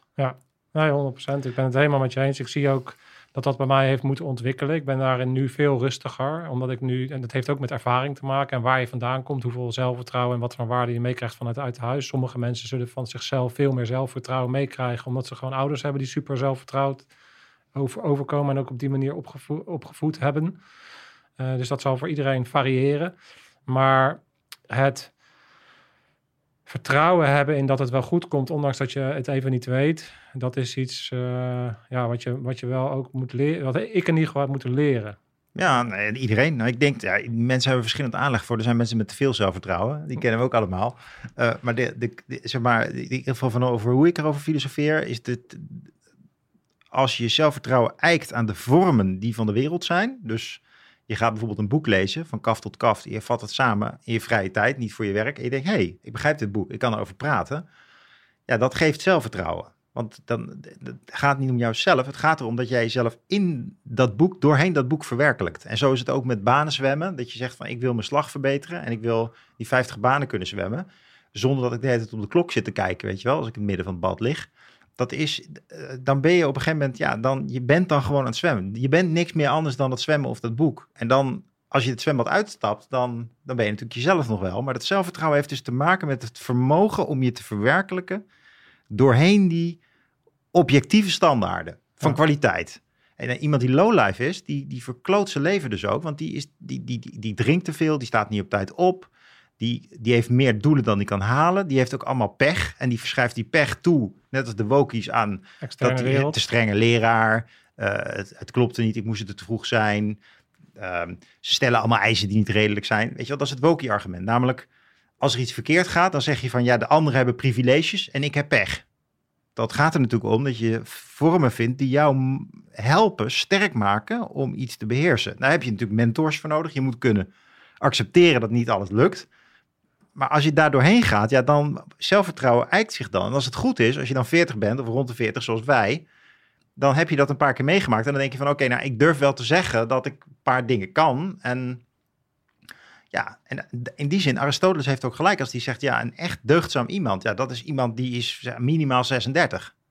Die heeft al echt heel wat achter de kiezen. Die Ja. heeft al kinderen, die heeft een huis, die heeft al bedrijven gehad, bij wijze van spreken. Ja. En als je dat niet hebt, ja, dan, wat is dan ook precies je recht van spreken, weet je wel? Dan heb je inderdaad ook, de, de, de, het, het leven heeft je dan niet echt toegelacht. Je hebt het er niet uitgehaald. Dat kan allerlei redenen hebben. Uh, maar het is natuurlijk niet voor niks dat zo iemand, zo'n groot filosoof als Aristoteles zegt van ja, je moet eigenlijk al die senioriteit hebben om überhaupt ook te kunnen zeggen dat jij gelukkig bent. Ja. Want ja, zeker tot die tijd, ja, je bent eigenlijk als het goed is ook behoorlijk ongelukkig met dat dingen niet lukken, dat je er nog niet bent. Het is wel tegenstrijdig, omdat het, het, het laagste geluksniveau gemeten is rond is in je veertigste. Dus dat is wel weer tegenstrijdig dan. Je geluksniveau dat neemt alleen maar af Ja. vanaf je twintigste volgens de data. Ja, maar geluk in de, in, in, in de betekenis van subjectief welbevinden is natuurlijk ook, zoals het Nederlandse spreekwoord luidt, voor de domme. Dus geluk, als het goed is, leef je een leven uh, vanuit verantwoordelijkheid. Dus dat is, die, je, je neemt verantwoordelijkheid, je claimt extreme ownership, je, je, neemt verantwoordelijkheid over wat jij wil. En als het goed is, nog zeg maar in de betekenis van Aristoteles, is dat ook voor, goed voor de gemeenschap. Of dat nu via je werk is, hè, of via wat je voor de buurvrouw doet, dat, laten we dan even in het midden. Maar daarin uh, ligt, de, de, de, ligt de vervulling van jouw leven. En het zou goed kunnen dat jij bijvoorbeeld denkt van ja, ik help die vriend en word ik hier nou gelukkiger van? Mijn eigen vriendin zegt ook, waarom kom je niet bij op de bank zitten? En dat kan je ook Maar je uitvergroten naar de hele wereld. Ik ben bezig Ja. de wereld te redden, maar eh heb Ja. mijn eigen omgeving wel voor elkaar. Ja, maar ik bedoelde eigenlijk nu iets anders. Maar dat is Oh, ook een belangrijk punt. Maar ik bedoelde meer van da- dat je het toch doet. Daar word je misschien wel ongelukkig van. Maar je neemt wel je verantwoordelijkheid. Ja. Dus ja, sommige, soms in sommige momenten, ook voor op een dag, als het goed is, ehm, denk je ook van ja, heb ik hier nu zin in? Nee, maar ik doe het toch, want ik vind het belangrijk. Ja, dus dat mensen op een veertigste ongelukkig zijn, dat vind ik het teken van volwassenheid. Oké. Want geluk is, eh, geluk is echt een beetje een, een, een oppervlak, het is een secundair verschijnsel. Ja. Het zou ook heel goed kunnen zijn dat je straks een, een, een leven hebt en dat je, nou bijvoorbeeld, je gaat iets met je kinderen doen, je weet wel eens een superspeeltuin of zo, je bezorgt ze een leuke dag en je denkt, ja, ik had eigenlijk liever de krant gelezen op mijn telefoon, dan was ik veel gelukkiger geworden. Maar als je nog een keer nadenkt, dan had je je gisteren op je werk voorgenomen, nou morgen wil ik echt voor mijn kinderen zijn. Ja. En dan ook weer niet overdreven, want je hebt ook van die papa's, van die lattenpapa's, die de hele dag hun kinderen aan het bedienen zijn. Dat bedoel ik ook niet, maar ik bedoel Eh. natuurlijk dat je dat, dus, dus geluk, nou, ik vind dat een glibberig, eigenlijk best wel neoliberaal concept. Hè? Dat past op het snelle internet en bij de consumptiesamenleving. Je wil verantwoordelijkheid nemen, dat is belangrijker. Ja. Ik denk filosofisch gesproken. Als je het hebt over een goed leven leiden. Ja. Nou, dit is dus precies wat ik bedoelde, eh, mooie kijkers, lieve mensen, is dat zodra wij in gesprek gaan, en dat had ik ook eh off camera, hebben we dat natuurlijk ook continu. En dat is ook een beetje inherent natuurlijk aan filosoof zijn, is dat je natuurlijk heel associ- associatief aan de slag gaat. En er zijn allerlei dingen die, die aangaan en waarop je inha- inhaakt. En ik vind het echt eh, mega interessant. Maar ik probeer, ik denk dat, dat ik nu eventjes wil sturen naar waar we mee begonnen, is de sterfelijkheid. Hè? Alles wat we nu besproken hebben. Eh, hoe kunnen we dat dan een soort van brengen naar het punt van oké, sterfelijkheid en het willen sterven en vechtbereidheid die zo laag is in Nederland. Heb jij, eh, wil jij eens Ja, daarop reflecteren. bet- betogen op waarom hebben we zo'n lage vechtbereidheid in Nederland op dit moment? Ja, waarom hebben we zo'n lage vechtbereidheid? Ik denk dus dat het echt iets te maken heeft met die babyboomercultuur, waarin, waarin eh, geweld en oorlog verdacht zijn gemaakt. Dus, en ondertussen bestaan ze nog wel. Dus we worden opgeleid in het idee van we leven in vrede. Dus je zult zien, nu er weer meer conflicten ontstaan, dat er ook meer interesse komt om toch te dienen. Ehm, maar een tweede reden is natuurlijk dat mensen ook wel doorhebben dat de tijd van vechten, zoals edellieden in de, in de 18e eeuw eh, met elkaar eh, het gevecht aangingen. En zoals dat ook in de literatuur wel wordt verbeeld over de oudheid. Het zijn natuurlijk allemaal romantische, romantische beelden. Ja, dat bestaat in tijden van droneoorlog en, en eh, F-16's natuurlijk niet meer. Dus dat, is dat zo? Dat wil ik wel eventjes eh soort van, als je nu naar kijkt naar de strijd in Oekraïne, is gewoon boots on the ground, eh voorwaarts en eh Ja. gigantische, heftige ja, oorlog waarop uiteindelijk, ja, drones is leuk. ja. En die moet je ook hebben, maar oorlog is oorlog. En dat is gewoon dat je elkaar vermoordt, eh, eh, doodmaakt. Niet vermoorden, je hebt natuurlijk wel regels in de oorlog. Ja, dat is een interessant verschil hè, tussen doden en Ja, vermoorden. Maar, maar Daarom- een van de grappige dingen in jouw, of grappige dingen, een van de heftige dingen in jouw podcast vind ik ook dus dat je ontdekt dat, ehm, dat eigenlijk dat, dat, dat jij als individu op het, op het slagveld best wel veel impact hebt. Ja. En dat, dat, dat is wel bijzonder, vind ik, als een outsider om te merken. Want ik zit natuurlijk ook. eh, per dag heb ik een schermtijd van eh, vier uur plus. Ik werk op de computer. Weet je wel. Ik, de machine is een reëel feit in mijn leven. Ik ben gewoon ook onderdeel van de machine. Ik moet echt mijn best doen om niet ook in mijn werk onderdeel te worden van een machine van kennis en data. En ik denk dat heel veel mensen dat zullen herkennen. En ik moet heel erg ook bedenken steeds van ja, wat, welke afslag neem ik hier? Wat doe ik hier omdat ik het wil? Dus ik moet mijn vrijheid soms best wel claimen ten opzichte van de systeemwereld waar we in zitten. Wat ik allemaal moet van mijn werkgever, maar ook wat ik moet van ja, het systeem van waar ik zelf in zit, wat ik zelf bedenk. En het grappige is dus dat je zou zeggen dat een F-16-piloot of, of een, ehm, een, een, een, een, een marinier, dat hij nog veel minder vrijheid heeft dan ik. Maar het gekke is dat ik dus in die podcast steeds leer dat, dat menselijke beslissingen ontzettend belangrijk zijn. En dat die machines uiteindelijk toch nog natuurlijk op elkaar afgestemd moeten worden door de mensen. En dat juist het claimen van die uh, regie over de machinewerkelijkheid en over de, over de samenwerking met andere mensen, dat dat, dat, dat, dat heel belangrijk is. Ja, dus de, de, dat is ook wel een les die ik, moet ik ook wel zeggen, die heb ik echt wel geleerd ook hier. En, um, als je dat, als je maar dat ik denk als je het hebt over vooroordelen, waarom mensen niet het leger ingaan, dan heb je dus één, we hebben dus een ideaal van vrede. Ja. En twee, denk ik toch, we hebben ook het idee, een beeld van oorlog, dat echt wel ontstaan is door, door de bommen en, en, en de nucleaire dreiging. En niet, niet nu hoor, van eh, Rusland, die is natuurlijk ook nu. Maar ik bedoel meer die dreiging die cultureel gesproken vanaf, nou zeg maar, dat Doe maar de liedjes over ging zingen, voordat de bom valt. Ja. Eh, dus vanaf de jaren tachtig een soort super destructieve oorlogen, die we eigenlijk in de Eerste Wereldoorlog al hadden. Waar ontzettend veel films over zijn gemaakt, ook heel belangrijk in de, in de publieke verbeelding. Dat mensen dus ook zien hoe willekeurig oorlog is. En ik zeg niet voor niks is, het is ook heel willekeurig. Dus als je dat vergelijkt met, het, met de traditionele officiersstrijd, zeg maar het enthousiasme waarmee de Engelse officieren nog eh, de boot pakten eh, om te gaan vechten al voor, voor, de Eerste Wereldoorlog. En eh, hoe ze zijn weggevaagd, dat, ja, dat is... eh, dat is een enorm contrast. Ze Ja. gingen erheen met een heel ander beeld van oorlog. En ik denk dus dat ook wel dus een van de pijnlijke imago-problemen voor het leger is ook wel dat mensen denken van ja, het is zo, straks sterf je. Eh, Terwijl de, waarschijnlijk de controle daarover nog best wel, je kunt sterven. Ja, want het, is- want Maar, dat maar het is niet zo erg als in de film. Kijk, die vechtbereidheid is, dus- is dus onder, is, jij zegt eigenlijk dus gekoppeld aan inderdaad die opvoeding vanuit de babyboomers en het beeld en het, de afstand die we gecreëerd hebben tussen onszelf en oorlog. En Mhm. de noodzaak daarvan en eh, de heftigheid daarvan. Maar tegelijkertijd zit er natuurlijk ook een soort relatie in die je heel erg in het Westen ziet, is dat we steeds meer afstand hebben genomen van de dood. Dat zie je in de coronacrisis ook. Ja, we zijn helemaal niet meer bereid om dood te gaan, omdat we inmiddels zoveel middelen hebben en we, eh, we bijna denken dat ons volledige leven maakbaar is geworden. Waardoor we ook een grotere afstand hebben gekregen natuurlijk tot een keuze maken van ja, misschien ga ik wel eerder dood dan dat mijn natuurlijke sterfdatum is, hoe dat dan ook eh eruit ziet. Maar Ja, nee, dat, dat, is dus zeg maar het metafysische probleem van, van onze hele maatschappij en ook van het leger. Dat mensen eh, dus zeggen van als er een conflict ontstaat, dan buig ik liever om te leven in een regime waar ik in ieder geval mijn beho- behoefte kan bevredigen. Maar we gaan Dan, wel, maar dan, we- dan, dan, dat ik de, de- dan dat ik het gevecht aanga op leven en dood. En dat is eh, eh, maar we gaan wel ook- aan op eh, Peter R. de Vries.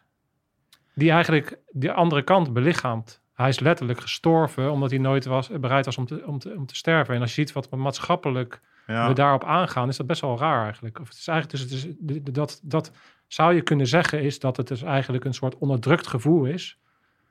Wat we dan soort van lichaam, ja, ah, ah, want, we- want we, Nou ja, het, is, het heeft met twee dingen te maken, denk ik. Aan de ene kant is het, hij, hij is een uitzonderlijk persoon. Je hebt uitzonderlijke mensen. ja, En het is, misschien is het zelfs jammer voor het leger of de politie dat hij als zelfstandig journalist opereerde, zou je ook kunnen zeggen. Dat hij heel veel meer had kunnen betekenen. Maar volgens mij werkt hij heel intensief samen met de instituties. En zulke mensen eh, he- he- heb je nu eenmaal ook, die, die bestaan, maar ze zijn uitzonderlijk. Aan de andere kant, en de mensen weten dat ook. Dus ik weet niet of het onderdrukt is. nee, Dit, snap wat je zegt. Ja. mensen begrijpen heus wat een held is. Ja. En aan de andere kant heb je een cultuur waarin heel veel eh, geweld is. Dus ga maar eens videogames doen. En ehm, daar, eh, wat er allemaal gebeurt, films. En eh, ook op Netflix. Bijvoorbeeld kijk Squid Game of zo. Hoe gemakkelijk daar met de dood om wordt gegaan. Dat is bijna een soort consumptiegoed. Eh, eh, zo van, oh, er sterft er iemand. Nou, Oh ja. eh, onderdeel van het spel. Als je daar het nieuws aan koppelt van, van onrust op straat, hangjongeren en zo, ja, dan denk ik dat mensen niet alleen denken van zo'n held heb je altijd wel nodig, maar ook ja, is een toename van, van geweld en gewelddadigheid, in ieder geval op symbolisch niveau. Dat wil zeggen dus in die tv-series en zo, hoe ze het interpreteren. En ondertussen is natuurlijk ook de, de tolerantiegrens, die is echt heel veel verlaagd. Dus waar je bijvoorbeeld in de jaren tachtig of zo nog had van, nou ja, dat is een, een beetje de wilde buurman, weet je wel. Dat is een verward persoon, maar dat is de buurman en die staat te schreeuwen op straat en ja, die is zo moeilijk. Die, die is inderdaad dronken. Is nu de tolerantie is echt he- helemaal geminimaliseerd. We willen eigenlijk dat iedereen zich netjes gedraagt. Dus we zijn eigenlijk vrij snel onder de indruk van als iemand een keer ruzie maakt, dan denken we direct dat er een soort oorlog uitbreekt. Ehm, en er, er gebeuren natuurlijk ook heftige dingen. En dan heb je zo'n Peter R. de Vries die daar nog het, het gevecht met de echte uitwassen aangaat. Ja, dat is natuurlijk fascinerend voor mensen. Ja. En, en ook wel in realiteit. Maar of het onderdrukte energie is, dat... De, eh, Nee, dat was ook meer, maar, meer, meer gedachte dat ik dacht, ja, dat we daar dus op aangaan, heeft, ben ik, sluit ik me bij je aan dat het een andere Ja. dynamiek kan hebben. Meer in van, ja, je hebt ook gewoon inderdaad mensen die uitzonderlijk zijn en, en helder zijn. En dat is natuurlijk ook Maar die, er. maar die gewelddadigheid die dus op symbolisch niveau wel in onze cultuur aanwezig is. En waar we echt een dubbele verhouding toe hebben. Want we kijken er graag naar. Neem Squid Game, een hele populaire tv-serie op Netflix. Ja. En eh, tegelijkertijd, zodra iemand op straat dus raar doet, dan bellen we ook direct 112 of een of andere kliklijn. Hè, van, eh, Ja, de buurman doet nou weer raar en dan zou hij zijn dochter niet slaan. Hè? Dat is allemaal enorm aan toenemen. Mensen zijn helemaal niet in staat dat, daar ze- zelf even langs te gaan. En de- te kijken van, kan ik hem misschien helpen met de opvoeding van de dochter? In plaats van direct de politie te bellen. Ja. Ehm, en, eh, maar dat staat natuurlijk wel, dat is iets anders dan zelf kiezen voor werk bij het leger. Want dat is natuurlijk een heftige keuze waarbij je ook je eigen leven eh, in de waagschaal stelt. Dus je zegt eigenlijk van als iemand anders een zwaard opheft, dan ga ik vechten en ik kniel dan niet. Dus ik ga het gevecht aan op leven en dood. En dus ik, ik sta eigenlijk boven leven en dood daarmee. Dat, dat is dan wat je zegt.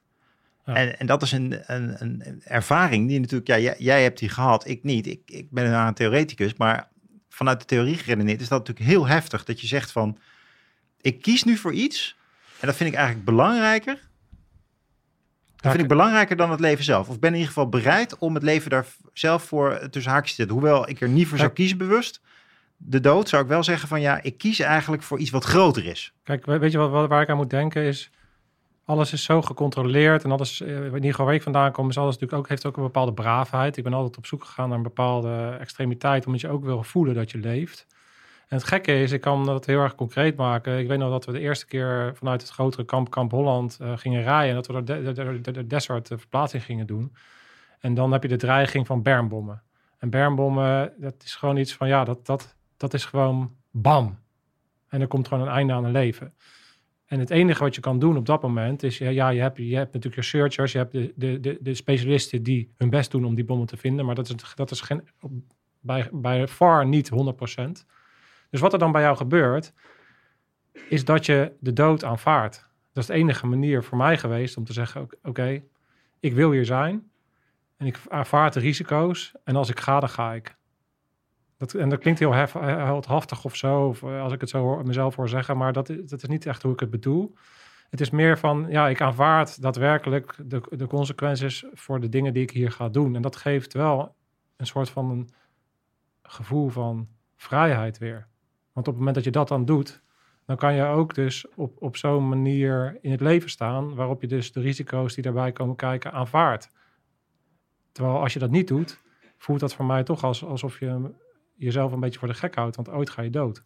Dus het- aanvaarden van het leven op een manier waarop je het doet als je voor een defensie gaat dienen, maakt ook alweer iets los in jezelf, waardoor je meer gaat leven. Ja, nee, natuurlijk. Want je, in feite zeg je eigenlijk van, eh, ik, ik neem mijn keuzes heel serieus. Ik, ik aanvaard mijn beroep en ik, ik, dat is mijn vervulling. En het leven zelf is heel belangrijk, maar ik, ik ben bereid dat op te offeren. En dat is wel, dat is wel degelijk een, een, een, een, daad van moed. Dus in de, in de klassieke ethiek, hè, de, de deugdethiek, zeg eigenlijk, zijn verschillende karaktereigenschappen die maken dat iemand goed is. Iemand moet bijvoorbeeld rechtvaardig zijn, bijvoorbeeld ook eh, verstandig en ehm, eh, bijvoorbeeld ehm, gematigd. Hè, bijvoorbeeld, eh, je, krijgt, je krijgt wat te eten en dan ga je niet drie keer opscheppen, tenzij je heel strak sportregime hebt. Maar dan hou je bij twee, terwijl je misschien wel de derde keer zin hebt. Ik, even een voorbeeldje. Ja. Maar de hoofddeugd, volgens Plato al, is de moed. Dus de, de, de, het allerbelangrijkste in de ethiek is dat jij opkomt voor wie je bent. Dus dat jij iemand zegt tegen die vriend van... hey, eh, jij, jij, je staat buiten te roken, dan moet je uitkijken... want straks ben je niet alleen zwart van buiten, maar ook van binnen. En als je dan moedig bent, dan denk je dus... wat is voor racistische kutopmerking die je daar net maakte?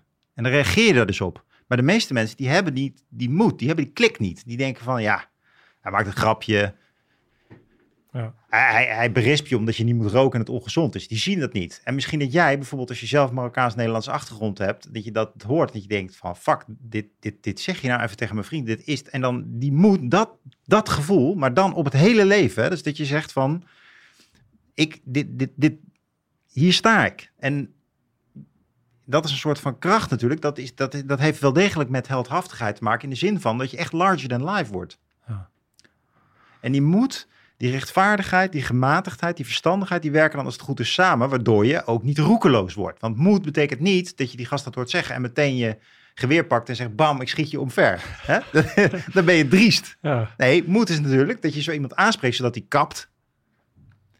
Eh, het is niet laf, dan ben- schiet je tekort. Dan ga je later bij de koffie zeggen, nou, dat is een beetje een racistische opmerking. Hè? ja. Dan ben je laf. Eh, misschien wel empathie, die je dan hebt, maar toch wel laf. En moed is dus dat je er wat van zegt, zorg dat het kapt en iemand op zijn nummer zet. Misschien is het ook een kaakslag die nodig is, kan. Maar je schiet iemand om zoiets natuurlijk niet omver. Dat is overmoedig. Ja. Ja. En, en zo ga je natuurlijk met het leven op zich ook om. Dus je, als het goed is, zit je in zo'n truck of in zo'n eh, zo, zo- zo'n wa- zo'n wagen. Je, ben- je bent dus verwikkeld in een strijd en je houdt die controle, je volgt die rituelen, waardoor je niet roekeloos bent.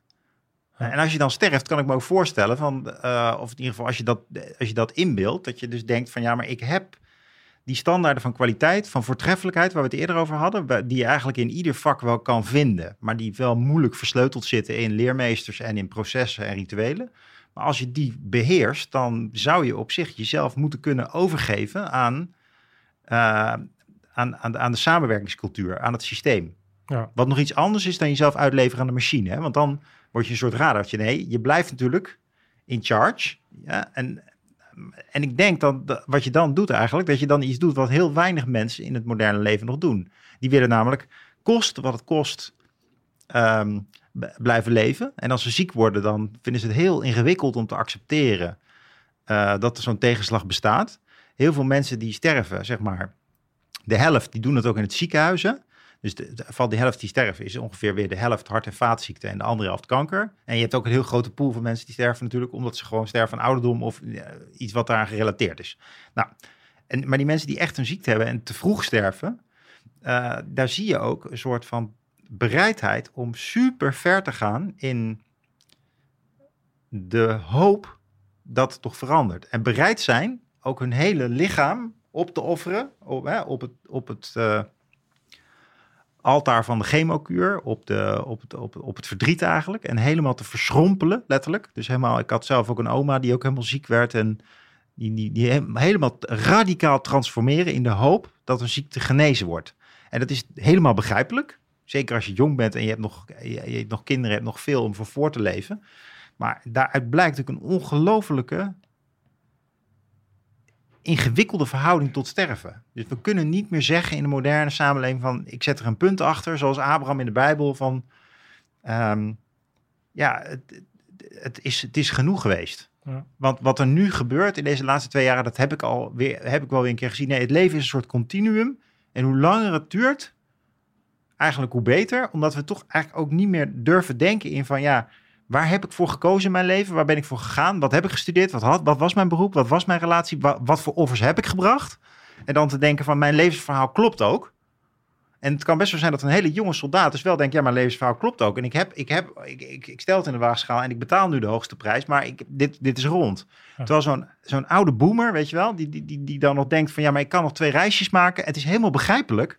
Het is, ik, ik weet niet of jij of ik een andere beslissing zouden doen, maar het is wel een soort onvermogen om te aanvaarden dat het leven eindig is. Terwijl dus die militair, die wordt veel eerder in zijn leven geconfronteerd met dat...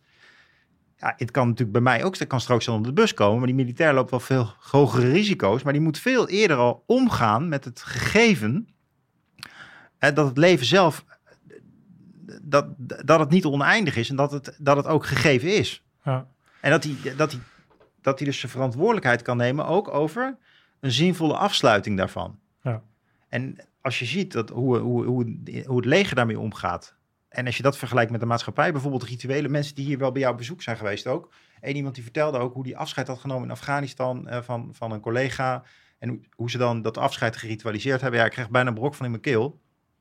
Dat vond ik zo mooi. Die persoon die vertelde dat hier, ja, namens ontschiet me nou even. Maar die, eh, ja, die, die, die, die cultiveren dus dat afscheid op een eigenlijk helemaal niet per se op een psychologiserende of een emotionele manier. Maar ze, ze, ze brengen het in orde. Dus zo iemand wordt gewoon met eer en waardigheid eh, teruggestuurd naar Nederland. En ehm, als je dat nou eens vergelijkt met hoe mensen sterven in een ziekenhuis aan slangetjes. Ja. Eh, In een technische omgeving, waar vaak ja, ook op soort plots, na twee jaar lang in een dramatische aftocht van bed naar bed, van medicijn naar medicijn. Dat is toch, dat is toch zo'n groot verschil tussen een, tussen een gecultiveerd ritueel en, en eigenlijk een uitlevering aan de technische mogelijkheden. Ja, dat is heel, eh, heel bizar om dat even te laten binnenkomen. Ehm, kijk, om een beetje richting de afronding te gaan, eh, Jelle.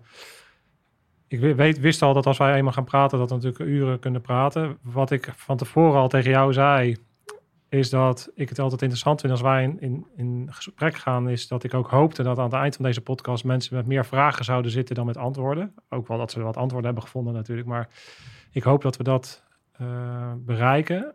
Eh, zeker eh, de delen over wat voor keuzes, wat voor waardes eh, vind je belangrijk en hoe, hoe bouw je dat dan op met mentoren en al die dingen die je daarover hebt uit- uitgeweid. Ik denk dat daar heel veel bruikbare dingen in zouden zitten die ik in ieder geval toen ik twintig was graag had willen horen en wat meer had willen vormgeven op een bewuste manier. Ehm, dus ik wil jou heel erg danken voor het uiteen- uiteenzetten van een lastig thema eigenlijk, hè, sterfelijkheid. En op de manier waarop je dan als militair mee omgaat. Ehm, zou jij zelf in, in twee zinnen kunnen samenvatten wat de belangrijkste takeaway is voor jou als je naar het afgelopen eh, gesprek kijkt? Dat is, een lastig, hè? Even een slokje thee. eh.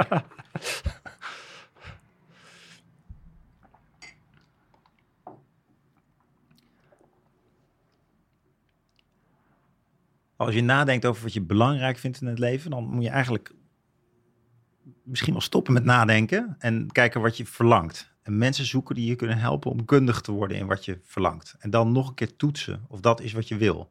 En die praktijken waar je in je leven dus inkomt, of nu sport is of werk of studie, die moet je eigenlijk leren te beheersen. En eh, jezelf daarin onderdompelen om jezelf te transformeren en iemand te worden. En daarvoor erkenning te vinden. En daar ook van te genieten. En daar word je niet per se gelukkig van. Maar het is niet, geluk is niet in de betekenis van dat jij je lekker voelt, is niet belangrijk. Weet je, het is veel belangrijker dat je tijd voor je kinderen, dat je je werk goed doet, dat je een inkomen hebt of dat je je inkomen probeert te krijgen. En uiteindelijk bij bepaalde beroepen staat natuurlijk heel veel op het spel. Ook leven en dood. Bijvoorbeeld bij een arts of bij een militair. En ik denk dat, dat ook als buitenstaanders valt er wel iets van te leren. Want de grote opgave van het, van het leven is ook in het reine te komen met de plaats die je op in het leven hebt. Die, dat begint al bij dat je bedenkt van wat is eigenlijk mijn achternaam, wat deden mijn ouders, wat deden mijn grootouders. Maar dat eindigt natuurlijk bij wat is mijn plek in de kosmos. Wat, je wordt 's ochtends wakker en waarom zou ik naar mijn werk gaan? Waarom zou ik dit werk nog langer doen? En die, die filosofische vraag naar de herkomst van het leven en jouw plaats daarbinnen, die heeft natuurlijk ook te maken ten diepste met dat het maar even duurt. Het duurt maar even, weet je wel. Het is zo voorbij. Als je geluk hebt, word je geloof ik 83 als man. En toch gaat het erom dat je dan je verantwoordelijkheid dus inricht, zodat je dat leven, dat je het op zo'n manier er wat van maakt, dat je er, dat je kan zeggen van ja, het is goed. Het is zinvol. En dat, dat betekent dus ook dat, je, dat de controle blijft. Dat je niet alles gaat doen, dat het niet vlak wordt, niet scrollen door het leven, niet klikken door het leven. Maar dit, dat, dat het dus diepte krijgt doordat je zegt, ja, sommige dingen beheers ik. En doordat ik die beheers, en doordat, in, ook in de zin van, ik beheers en ik kan anderen ermee helpen. Ik kan de wereld verrijken, ik kan scheppen. Daardoor kan je ook zeggen van, ja, oké, ik, ik heb mijn bijdrage geleverd aan de schepping, aan, aan, wat, aan, de creativiteit die we met elkaar hebben. Ik ben niet destructief geweest, maar ik heb mijn bijdrage geleverd aan wat, wat we met elkaar verdedigen. En dat betekent ook dat het op een gegeven moment voorbij kan zijn. En dat aanvaard ik. Dus de- de- uiteindelijk is een diep, diepe wijsheid, denk ik, zowel de filosofie als religie. En ik zeg niet dat ik hem heb, maar in ieder geval heb ik hem cognitief begrepen. Van je moet leren aanvaarden wie je bent, wat van maken en ook inzien. Ja, dit, er is één leven, maar het is wel het, in het licht van, van de werkelijkheid. En je, je, er wat van maken op een manier die dus klopt. En, en dat heeft denk ik veel te maken met dus er wat van maken, maar ook daarin berusten. Berusten, zelfvertrouwen houden, hoewel je weet van zoveel wat je moet leren. Het gaat zo lang duren voordat je echt de trots hebt. Dat je denkt van nu durf ik mijn vrienden aan te kijken. Nu ben ik wel. En misschien, en je, moet helemaal niet bezig zijn daarmee met het oordeel van anderen. Je moet natuurlijk bezig zijn die, die vormbeheersing. En ik denk, denk dat, dat dat is voor mij wel een belangrijke kern. En in ieder geval iets wat ik ook heel erg zie in de gesprekken die jij hier voert met, met militairen. En mensen die hier komen vertellen over wat er allemaal, waar ze spijt van hebben. Of wat ze, waar, waar ze pijn van hebben. Dat gaat heel vaak over aanvaarden. Van ergens mee leren leven. Het, niet gelukkig worden, maar het, een plek geven. En maar wel in een wereld die zij dus gestald geven. Niet als, niet als toeschouwers, weet je wel. Jouw gasten zijn geen toeschouwers. Dat vind ik wel mooi. Ik vind het ook leuk daarom dat ik een keertje ook mocht praten. Ja, het was ook geweldig om je te horen praten. En ehm, hoe je dat eh, zojuist hebt samengevat eigenlijk eh, in iets meer dan twee zinnen. Maar dat is ook nodig, denk ik, om die eh, profoundheid en die diepte van het leven dan ook een soort van eh, te kunnen vatten. Dus eh, dank, dank je wel daarvoor. Leuk man. Tof.